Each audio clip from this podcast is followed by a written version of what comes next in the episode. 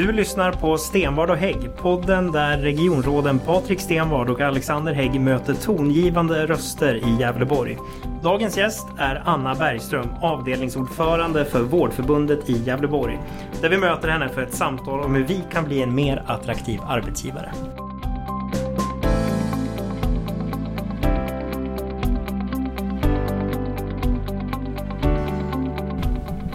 Då får vi hälsa välkomna till våran nystartade podd, eller hur Alexander? Jajamän, nytt, nytt upplägg.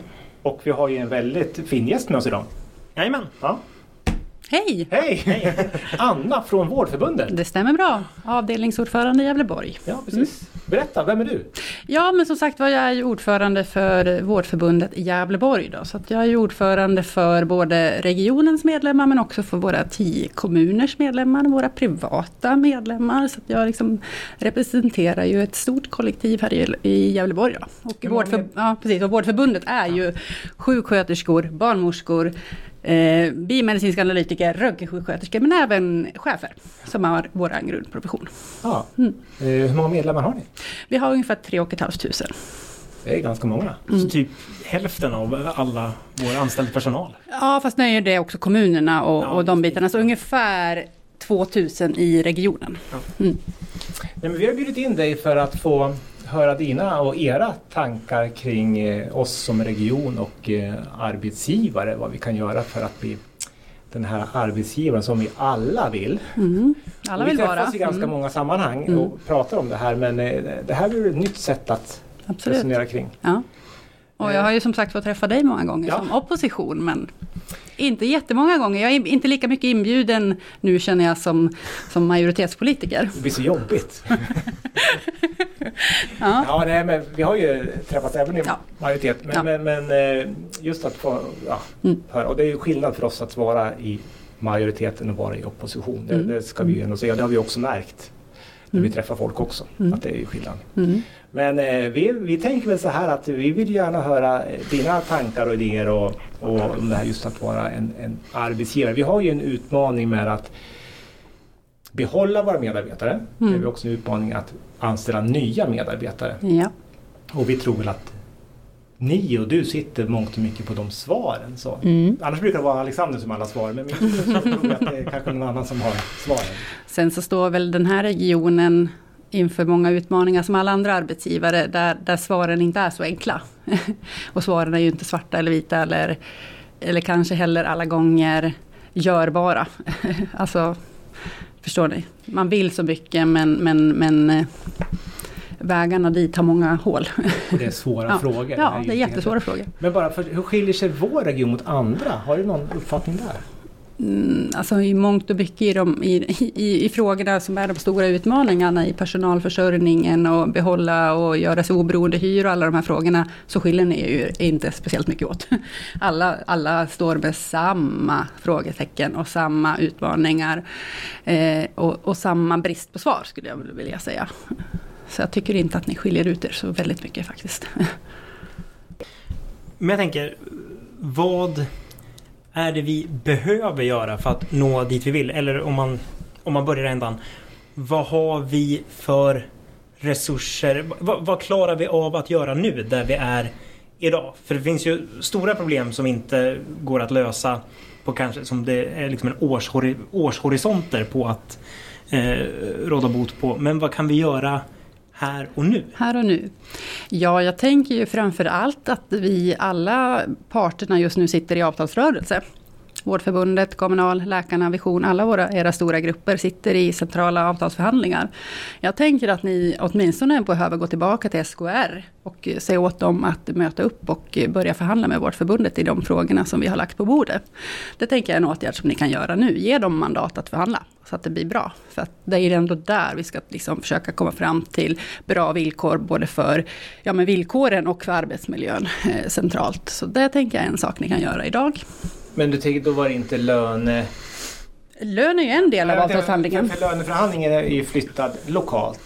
Ja, ja, nej, inte förhandlingen eller löneöverläggningen är, förhandla, är lokal, men löneavtalet är ju en del i våra huvudöverenskommelser. Så att avtalet tecknas ju på central nivå. Mm.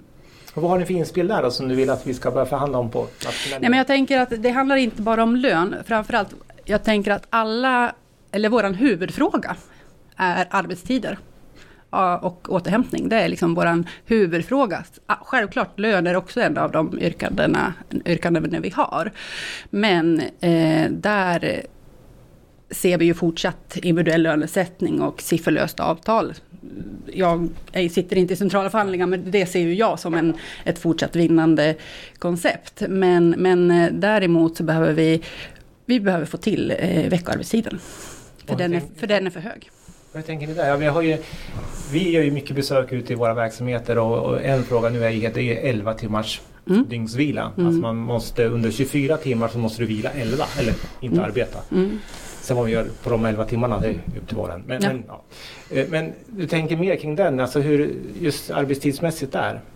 Ja men jag tänker att det är, det, det, är ju en lagstiftad rättighet som vi har i svensk liksom, lagstiftning. Och den lagstiftningen fungerar i alla andra sektorer utom inom hälso och sjukvården. Och det är ju och, och, det går inte ihop med den veckoarbetstiden vi har. Och där har vi ju en, en del att vi behöver liksom centralt reglera en lägre veckoarbetstid. Det är min fullaste liksom, åsikt i den frågan för att det ska kunna gå ihop. Och det är också, vi kan ju också jämföra oss med de andra nordiska länderna där Sverige har den högsta veckoarbetstiden av alla.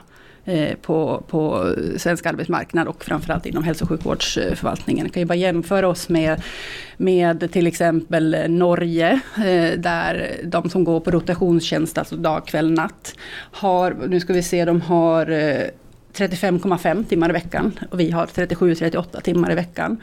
Så där, bara där blir ju skillnad. Det är ju samma sak mot Danmark, och samma Eh, lägre veckoarbetstid. Men de har ju också lägre veckoarbetstid på rakveckorna. Där vi jobbar 40 timmar, eh, där har ju de lägre veckoarbetstider också. Så att vi behöver ta tag i veckoarbetstidsfrågan i Sverige. Är det lika eh, Alltså, skulle jag gissa att det är mer högprioriterat från er sida att nå ner till den typen av nivå på arbetstid i dygnet runt verksamheten. Att det inte är lika pressande i dagverksamheterna. Men om vi pratar arbetstider och pratar arbetsmiljö. Min bild de senaste åren som jag har varit i regionen är att arbetsmiljö och arbetstider har tagit upp mer del av diskussionen än vad lönen har gjort. Att liksom lönefrågan inte har dämpats men kanske att de andra har börjat frågorna har tagit mer plats än lönefrågan. Är det en... Uh, ja, jag, ja, jag brukar va, varje gång jag är ute och träffar medlemmar i lite större sammanhang så brukar jag ställa frågan okej, okay, lön eller arbetstid, vad, vad är mm. viktigast? Och det är ett 50-50 läge skulle jag vilja säga. Den är absolut inte minskad men den, den eh, eh, men, men det som du säger, arbetstiden och återhämtningen har seglat upp. Men, men måste man välja så är den nog ungefär lika stor fortfarande skulle jag vilja säga. Och det också tror jag beror på att vi i Gävleborg och Region Gävleborg fortfarande trots de satsningar som är gjorda eh, från politiskt håll fortfarande ligger ganska långt efter. Jag satt här innan vi gick hit eftersom jag såg att vi skulle prata lite lön så satt jag och tittade på senaste lönestatistiken ifrån SKR så det är inte Vårdförbundets egna framtagna siffror utan det är ifrån SKR. Och på de 14 grupperna, alltså AED-koderna som jag tittade på så ligger vi fortfarande på nio av dem under snittet i riket och de som vi ligger över, ligger vi precis över snittet i riket. Så att vi ligger fortfarande dåligt till i lönefrågan i regionen Men visst har löneutvecklingen varit ganska bra de sista åren för dina, dina medlemmar? Vi gjorde ju en satsning, av mm. under tio års tid hade vi mm. en procent extra just till, mm. till, till Vårdförbundets medlemmar, till mm. sjuksköterskorna. Mm. Eh, det har gett en ganska mycket effekt. Eller vad, vad är din bedömning där? Eller har alltså, vi halkat efter ändå? Ja, vi ligger ju fortfarande ja. efter. Så, men hade ni inte gjort det så hade vi legat mer efter ja, såklart. Mindre illa. Ja. Eh, mindre illa. Men, men det är ju också, det är ju långt ifrån de enda. Det är ju väldigt många regioner som har gjort satsningar. Så de har ju liksom också följt med liksom, i statistiken. Eh, så. Men absolut, och tittar man rent procentuellt vad vi vårt förbundet har fått ut liksom, i, i löneöversynerna de senaste åren. Så, så absolut har vi fått bättre än, än många andra Förra grupper. Året var ganska bra va? Förra året var jättebra, ja. uh, året innan lite sämre. Alltså det har varit lite olika. Uh, men, men absolut, så det, det ska jag inte säga någonting om procentuellt. Mm. Men när man redan befinner sig i grupper som, här har du hört mig säga förr, som är felvärderar det utifrån den ekonomiska eller eh, akademiska bakgrunden som man faktiskt besitter med tre års, minst tre års eh, liksom, högskolestudier så, så utgår man ifrån ett lågt läge. Liksom. Mm. Jag tänkte prata lite grann, att du brukar fråga dina medlemmar eh, arbetstid kontra lön. Jag tänkte om vi är inne på eh, lönerna. För det får man ju höra när man träffar eh, vårdpersonal att om vi motsatsen till att halka efter, att en nyanställd, att man trissar upp lönerna för att locka nyanställda mm. och att de kanske kommer ikapp en mm. erfaren sjuksköterska mm. nästan för snabbt. Mm. Eh, hur ser du på det? Nu är inte det en så enkel fråga heller mm. men vad skulle vara viktigast av att uppmuntra anställningen genom att höja liksom ingångslönen eller att premiera kontinuiteten för någon som har stannat länge på samma arbetsplats? Jag tror inte att man kan välja det ena eller det andra, min bestämda ingång. Men jag får ju ofta många sådana frågor i och med att man i min värld har vi ingenting som heter ingångslöner när vi har individuell lönesättning. Men ni har någon slags, någon, någon slags policy om någon ingångslön tagen av ensidigt av arbetsgivaren, det stämmer. Eh, och, och, det där får ju effekter. Det får effekter på lönestrukturen och vi ser ju också effekter Eh, nu, tänker jag, i och med oberoende inhyrning, när man också lyckas, för det är ju jättepositivt att man lyckas rekrytera några av som har varit i bemanningsbranschen att ta en fast anställning i regionen. De accepterar ju inte heller liksom de lönenivåer, utan de, de begär ju lite mer om man är tvungen att betala lite mer, vilket är helt rimligt. Det påverkar ju också lönestrukturen och får de här konsekvenserna av att medarbetare känner sig liksom förbipasserade. Vilket jag har full, full förståelse för. Men min, mitt svar på de medlemmarna som brukar höra av sig Eh, med de känslorna. Att ja, men nu är den som är ny, nu har den gått om mig, eller den kommer in på samma lön som jag har, som har jobbat i några år. Eller nu kommer den här från bemanningsbranschen och sprang om mig med flera tusen. Ja, det är ju inte den som har fel lön. Det är ju du som har den fela lönen då. Eh, så försök att inte se det som en avundsjuka, utan försök istället att se till att de, de kommer in med lite högre löner, men de bidrar ju också till liksom den här berömda, ni vet, potten som varje chef har att fördela i löneöversynen. För har man då mer högavlönade så har man ju procentuellt detsamma men i pengar, kronor så får man ju mer. Alltså om man får 2% eller 3% eller 5% på, på 40 000 eller 25 000 skiljer sig åt i pengar. Liksom. Så att jag brukar försöka att motivera dem med det att då bidrar ju de till att din chef när lönerevisionen kommer, kommer att ha lite mera pengar i påsen som hon måste jobba eller han måste jobba med strukturen då. För också, man är ju väldigt noga med att man ska följa strukturen, att de som har erfarenhet ska ju liksom följa med i löneutvecklingen och då finns det ju mer, mer budget att röra sig med för den enskilda chefen. Men, eh, men, men det är ingen lätt fråga. Liksom. Men... En annan del, vi pratade om i höstas så införde vi en, för det brukar vara så att just dygnet runt verksamhet är lite extra svårt att bemanna. Mm. Och då hade vi kontinuitetsersättningen. Det innebär mm. att har man jobbat i dygnet runt verksamhet två år så får man 2000 extra månader, mm. tre år så får man 3000 extra. Eh, vi hade lite resonemang om det där. Kan ja. du liksom bara, hur tycker du det har funkat? Sådär. Ja. Mm. Eh, nej, men jag faktiskt pratade med ett gäng, eh, jag var igår och höll i lite utbildning för några av våra nya förtroendevalda på arbetsplatserna. Och då blev det ganska mycket resonemang och de, de var till och med de som faktiskt har den här kontinuitetsersättningen som verkligen starkt ifrågasätter den. Mm. Eh, för att de tycker att det blir inte bra. Liksom, så. Vi hör både och nämligen. Ja, jo, men jag har också, ja. självklart är man väl jätteglada för att ha fått pengar, de som har fått det, men de som inte har fått pengar.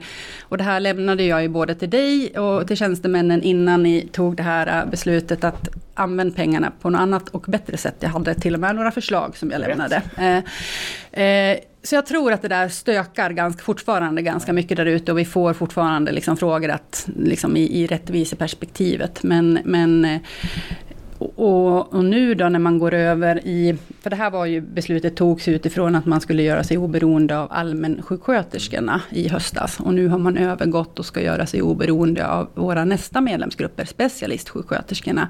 Kommer samma beslut att komma för dem? Min fråga. Jaha. Ja, det får vi... Vad jag förstår så har vissa specialistsjuksköterskor det här också. De specialistsjuksköterskorna som faktiskt jobbar på en enhet där liksom egentligen grundkravet är allmänsjuksköterskor. Mm eh, har ju fått det här mm. tack vare att vi drev på den frågan. Mm. Från början skulle de ju inte få det utan då skulle man särskilja på en, säg, vi säger, vi ponerar en arbetsplats Q där man har allmänsjuksköterskor och så skulle allmänsjuksköterskorna ha fått mm. eh, kontinuitetsersättningen och de som var specialistsjuksköterskor på samma arbetsplats skulle inte ha fått det här. Och vi sa det så kan ni inte göra, det kommer att bli ett krig där ute. Jag hörde också, ja. du berättade för mig. ja, det kommer att bli krig. Vi, vi och där, så där lyssnade ju in det och så nu fick man ju oavsett då, om man jobbar på en arbetsplats, eh, en sån arbetsplats, men däremot på arbetsplatser med ren, rena specialister som intensivvården till exempel. Där har man ju inte fått tagit del av det här, men nu är ju de med i liksom oberoende frågan har ju tagits på nästa steg. Så jag ställer frågan igen, kommer det komma ett beslut att de också kommer få ta del av någon slags kontinuitetsersättning, för de känner sig från att ha varit offer om något i pandemin, stått i fronten, så är de också förbisedda i, i den här frågan. Så att de, den, den frågan får jag ganska ofta. Tanken var att vi skulle ta nästa steg även för specialistsjuksköterskorna. Mm. Så att det, svaret på den frågan blir väl ja, det är tanken, mm. vad jag vet. Men, men beslutet för allmänsjuksköterskorna kom ju innan man verkställde beslutet. Man har redan verkställt beslutet eh, nu och börjat infört oberoende specialistsjuksköterskor, men beslutet har inte kommit än. Ser du det så är det så. Mm.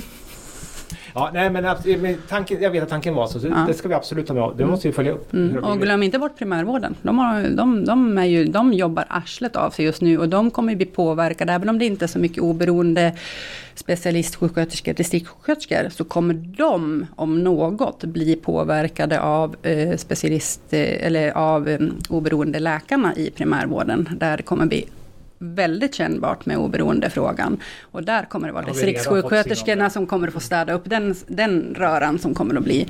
Så glöm för sjuttsiken inte bort dem kan jag säga. Nej, det, det, det där är vi också, det vet vi om händer mycket där. Så att, mm. ja, mm. Men jag tror inte det kommer komma kontinuitetsersättning för, eh, för dagtidverksamhet, som de som jobbar dag. Eh, ja. Vad kommer att komma för dem då? Det får vi återkomma till. Mm. Om det kommer något. Mm. Ja, ja men jag är rädd ja, för det. För det, det, är ju precis det här jag varnade er för. Det här att ta ett sånt här beslut kommer att få sådana följdkonsekvenser. Och de står ni i nu. Mm. Inte vi, ni. Mm. Ja, vi tar den. Mm. Eller hur? Det Absolut. Men jag tänkte om vi går till jag vet inte om jag har pratat med dig om det någon gång men jag har pratat med folk som jobbar inom dygnet runt verksamhet om det när vi har varit ute och gjort besök. Och det gäller ju ja, den yngre generationen, min egen eh, generation eh, eh, som tar jobb inom dygnet runt verksamhet. Att det är svårt att behålla yngre medarbetare mm. för mm. man vill ju annat än att vara på jobbet på mm. natten och kvällar och helger. Hur ska vi få nyutexade att vilja stanna i dygnet runt verksamhet och inte söka sig bort till eh, eller söka sig till dagverksamheten efter ett, två år i tjänsten? Mm.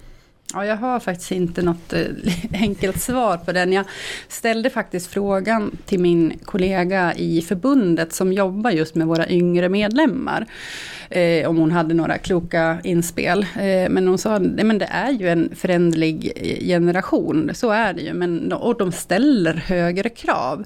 Men framförallt så tror jag att man måste jobba vidare med här eh, karriärmöjligheter Eh, även i dygnet runt verksamheten och få yngre. För att ser de inte efter ett år att det finns karriärmöjligheter, då, då drar de vidare. Liksom. Så är det.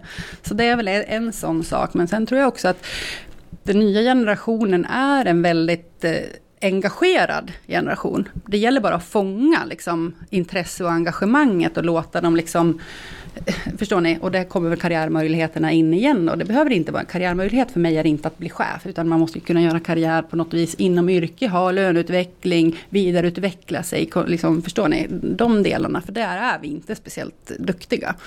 Eh, så det ser väl jag som en, en sån där eh, sak som jag tror kommer att behövas i större utsträckning för att fånga den här yngre generationen kvar på arbetsplatserna. Men sen tror jag vi måste hitta, vi måste nog lära oss att det kommer inte att se ut på, på arbetsmarknaden så som det gjorde för 15-10 år sedan där man tog en anställning och så var man kvar i den. För så, så kommer det inte se ut. Utan det kommer att vara ett ombytligt klimat där ute tror jag. Eh, och det tror jag inte bara handlar om den här sektorn utan det, det tror jag vi kommer att se. just dygnet runt-verksamheten. Det som man också har är att man jobbar väldigt mycket helg. Mm.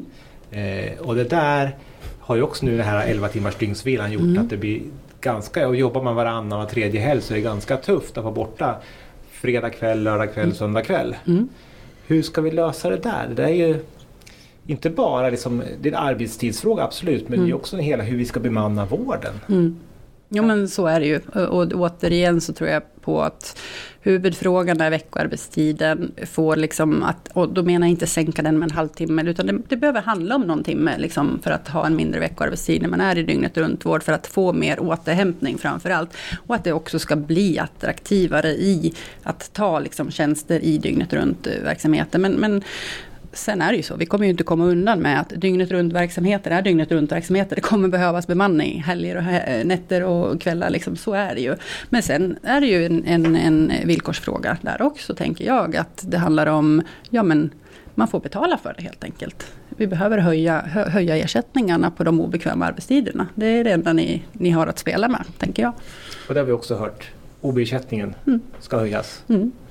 Ja. Jo, men jag tänker där... Men det löser ju inte bemanning. Det kommer vara lika tufft att jobba Det kommer vara fredag kväll, tufft. lördag kväll, söndag Ja. kväll, även om man får mer ersättning. Ja, absolut, det kommer det vara. Fast jag tänker också att det är tufft för att man får göra det för ofta. Och får vi till att det blir mer attraktivt att vara i dygnet runt så kanske man också har lite mer bemanning att spela med. Att man inte behöver göra helgerna lika ofta. Men att komma runt att det är obekvämt, det, den är nog svårare. Men, men däremot att man kompenserar för att det är obekvämt. Tror jag är det man har att eh, kunna göra någonting med. Kan vi komma till ett läge där personalen slåss med att få ta de obekväma arbetspassen för att det är så Men förmånligt? lite grann så var det när nattavtalet infördes Mm. först. Då var det lite så. För att då var det så... Uh, alltså, ja, först var det ju en obekvämlighet för att man blev av med OBn och det är fortfarande en obekvämlighet. Men, men man insåg liksom vilken arbetstidsförkortning det gav och vilken effekt det hade på min veckoarbetstid att göra några få nätter. Mm. Så var det verkligen så. Det var jättemånga verksamheter som fick styra upp sina verksamheter. Att du får, man får bara lägga max fyra nätter på den här schemaperioden för att det ska räcka till alla. Så var det. Mm. Eh, så att eh, den är inte omöjlig, bara det blir tillräckligt attraktivt. Jag har hört också då när det kom nattavtalet att det var så det var bra. Mm. Jag hör inte lika mycket positivt om nattavtalet nu längre. Det har ju funnits så otroligt länge förut. Det här nattavtalet har ju varit orört sedan 2005. Alltså 2005 tecknades det och det har inte avtalsvårdat sedan dess. Liksom. Så det står ju exakt samma sak fortfarande. Och då var det verkligen unikt. Det var verkligen jätte, jätte stort för att det var sån stor arbetstidsförkortning. Men det har ju hänt saker i de centrala avtalsförhandlingarna sedan dess som har gjort att det inte är lika lika hypat längre och andra regioner har kommit ikapp. Så nu är det ju absolut inte, inte liksom något unikt längre och särskilt inte så länge man heller inte får OB på, på vardagskvällarna, vilket är det som är såldes till förmån för, för en arbetstidsförkortning. Ehm. Men jag tänker innan vi rundar av några sista medskick till oss som vi bör ha med oss när vi jobbar politiskt för att se till att personalen framöver ska orka med att eh, jobba i och jobba kvar i hälso och sjukvården. Mm. Ja, Vi landar ju tillbaka till, till de här med, med villkorsfrågorna. För det är ändå goda villkor som lockar medarbetare till arbetet. Och, och det är när vi är tillräckligt många medarbetare på arbetet som vi faktiskt kan jobba strukturerat med, med de stora arbetsmiljöfrågorna. För de är väldigt svåra att jobba med när, när man är för lite personal. För att då, vill man, då måste man bara få det att gå runt. Liksom. Eh, men så att den här veckoarbetstidsfrågan och återhämtning, det är liksom, det, jag tror att det är, en, det är kärnfrågan här. Eh, pratade med ett gäng sjuksköterskor från intensivvården eh, igår faktiskt, eh, som, som berättade att de- är så få eh, personal eh, och det är som personalomsättning fortfarande efter pandemin. För det är många som liksom inte riktigt orkade med efter pandemin för att det var så tungt då med krislägesavtalet och allt vad det var. Men, men, eh, och det fylldes på, för det var också upphypat att många sökte sig till IVA och gick utbildningen. Så att det, liksom har bidrag, det har varit en stor personalomsättning och det där är ju, är ju personalomsättning i sig är tungt för, för personalen. För att introducera nya, det tar på krafterna liksom hela tiden. Men de, de kom också tillbaka till det här att vi, vi, vi, vi sliter häcken av oss. Vi springer 24-7. Det spelar ingen roll om det är ett dagpass, ett nattpass eller ett eh, kvällspass. Vi, vi springer lika mycket. Och hela verksamheten går ihop och bygger på att varje medarbetare i stort sett tar tre till fyra extra pass i månaden för att det ska gå ihop.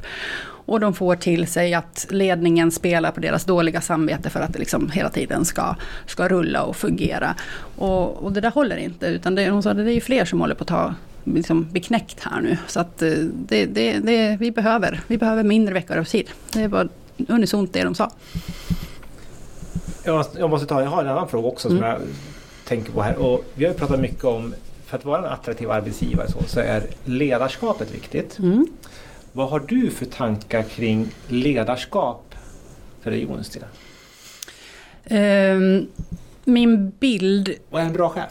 Ja, men en bra chef är ju en, en inlyssnande chef och en tillitsfull chef, absolut. Uh, en chef som också kan fatta beslut när det behövs. Uh, och, och, vara obekväm när det behövs, för det behövs också uh, i en sån här verksamhet. Men, och man har ju gjort mycket kring kring ledarskapet och chefskapet de senaste åren i regionen. Eh, mycket efter både att Arbetsmiljöverket gjorde en granskning på, på första linjens chefernas arbetsmiljö som det blev ganska mycket nedslag på. Efter det så gjorde man den här rutinen chefers förutsättningar och man satte liksom ett maxantal för, för medarbetare. Och, och sen det kom så har man liksom infört också mycket delat ledarskap, biträdande chefer för att minska liksom belastningen på den en, enskilda chefen. Och det, det tror jag absolut är positivt. Men men sen har det liksom, det har ju hänt ju så mycket. Det vart liksom, det vart en pandemi, det vart liksom, allting skulle bara hållas flytande. Så att jag tänker att det fortfarande finns, finns mycket att jobba med, absolut. Eh,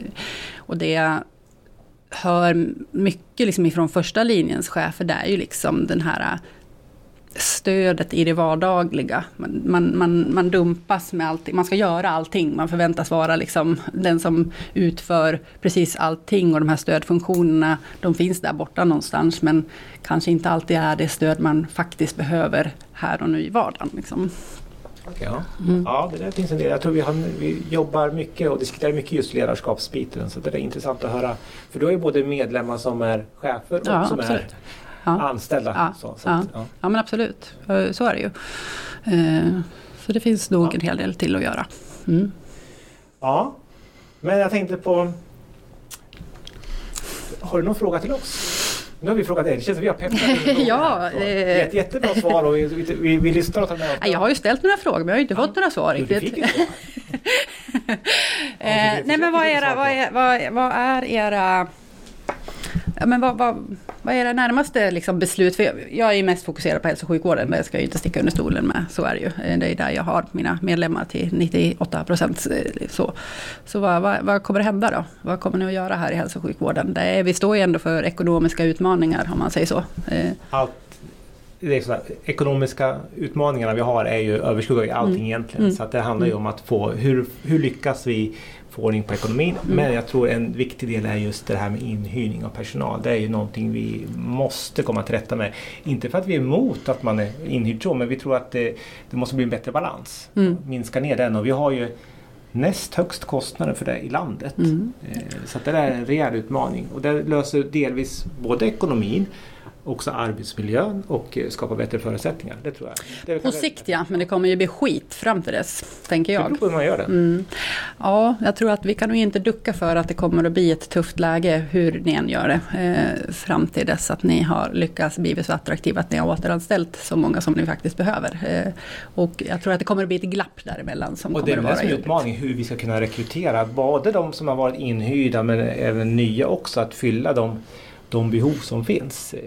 Men, men låt mig ställa den här frågan då. Vet ni varför folk, eh, mina medlemmar har lämnat er som liksom offentlig arbetsgivare och gått till bemanning? Vet ni det? Eller gissar ni?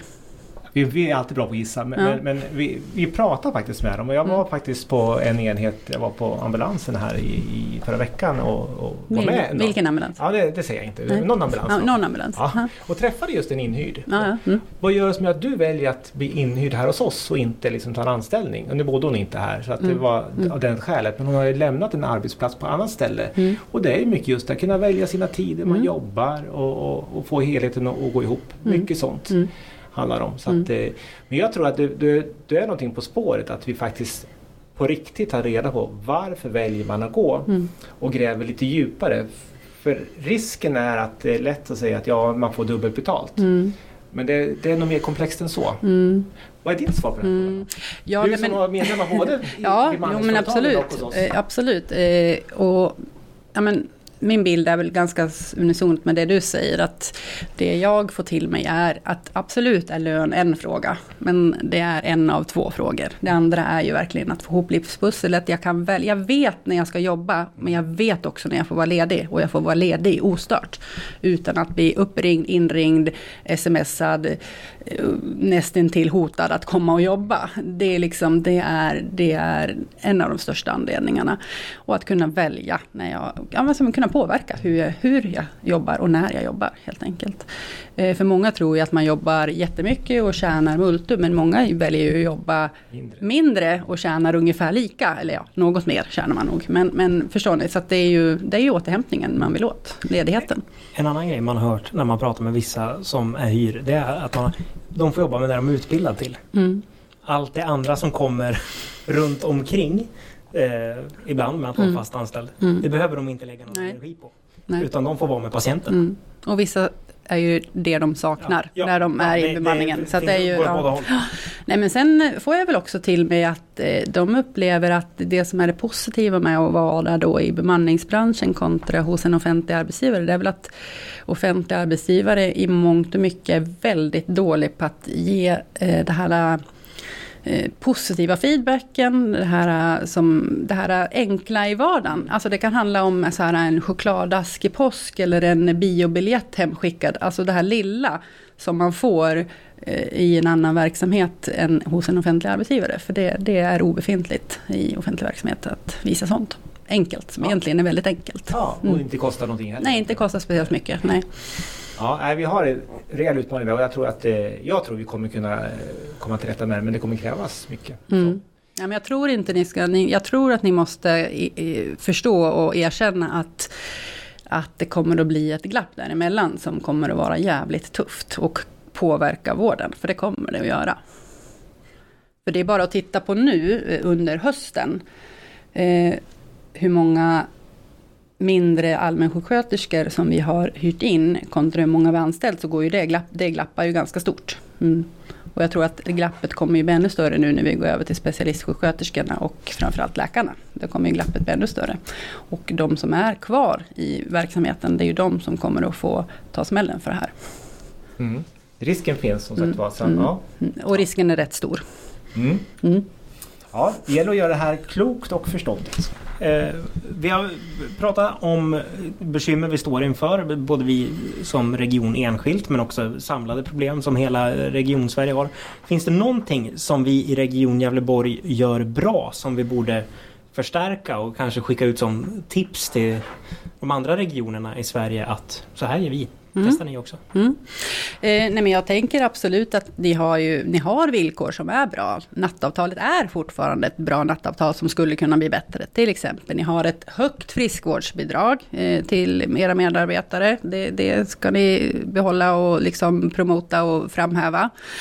Eh, jag tänker också att eh, utbildningsanställningar för sjuksköterskor som vill vidareutbilda sig till specialister är ni också bra på. Eh, kan också förbättras men det är bra att ni har det och det, det är goda villkor liksom att, att bli specialist eh, som eftersöks i verksamheterna. Så det är väl några av de grejerna som jag tycker ni ska vara stolta över.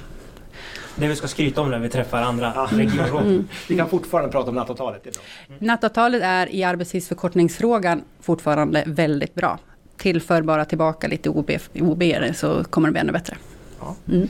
Ett sista här nu. Alexander försöker avsluta det här taget. Men Något tips till oss? Så, nu får du liksom...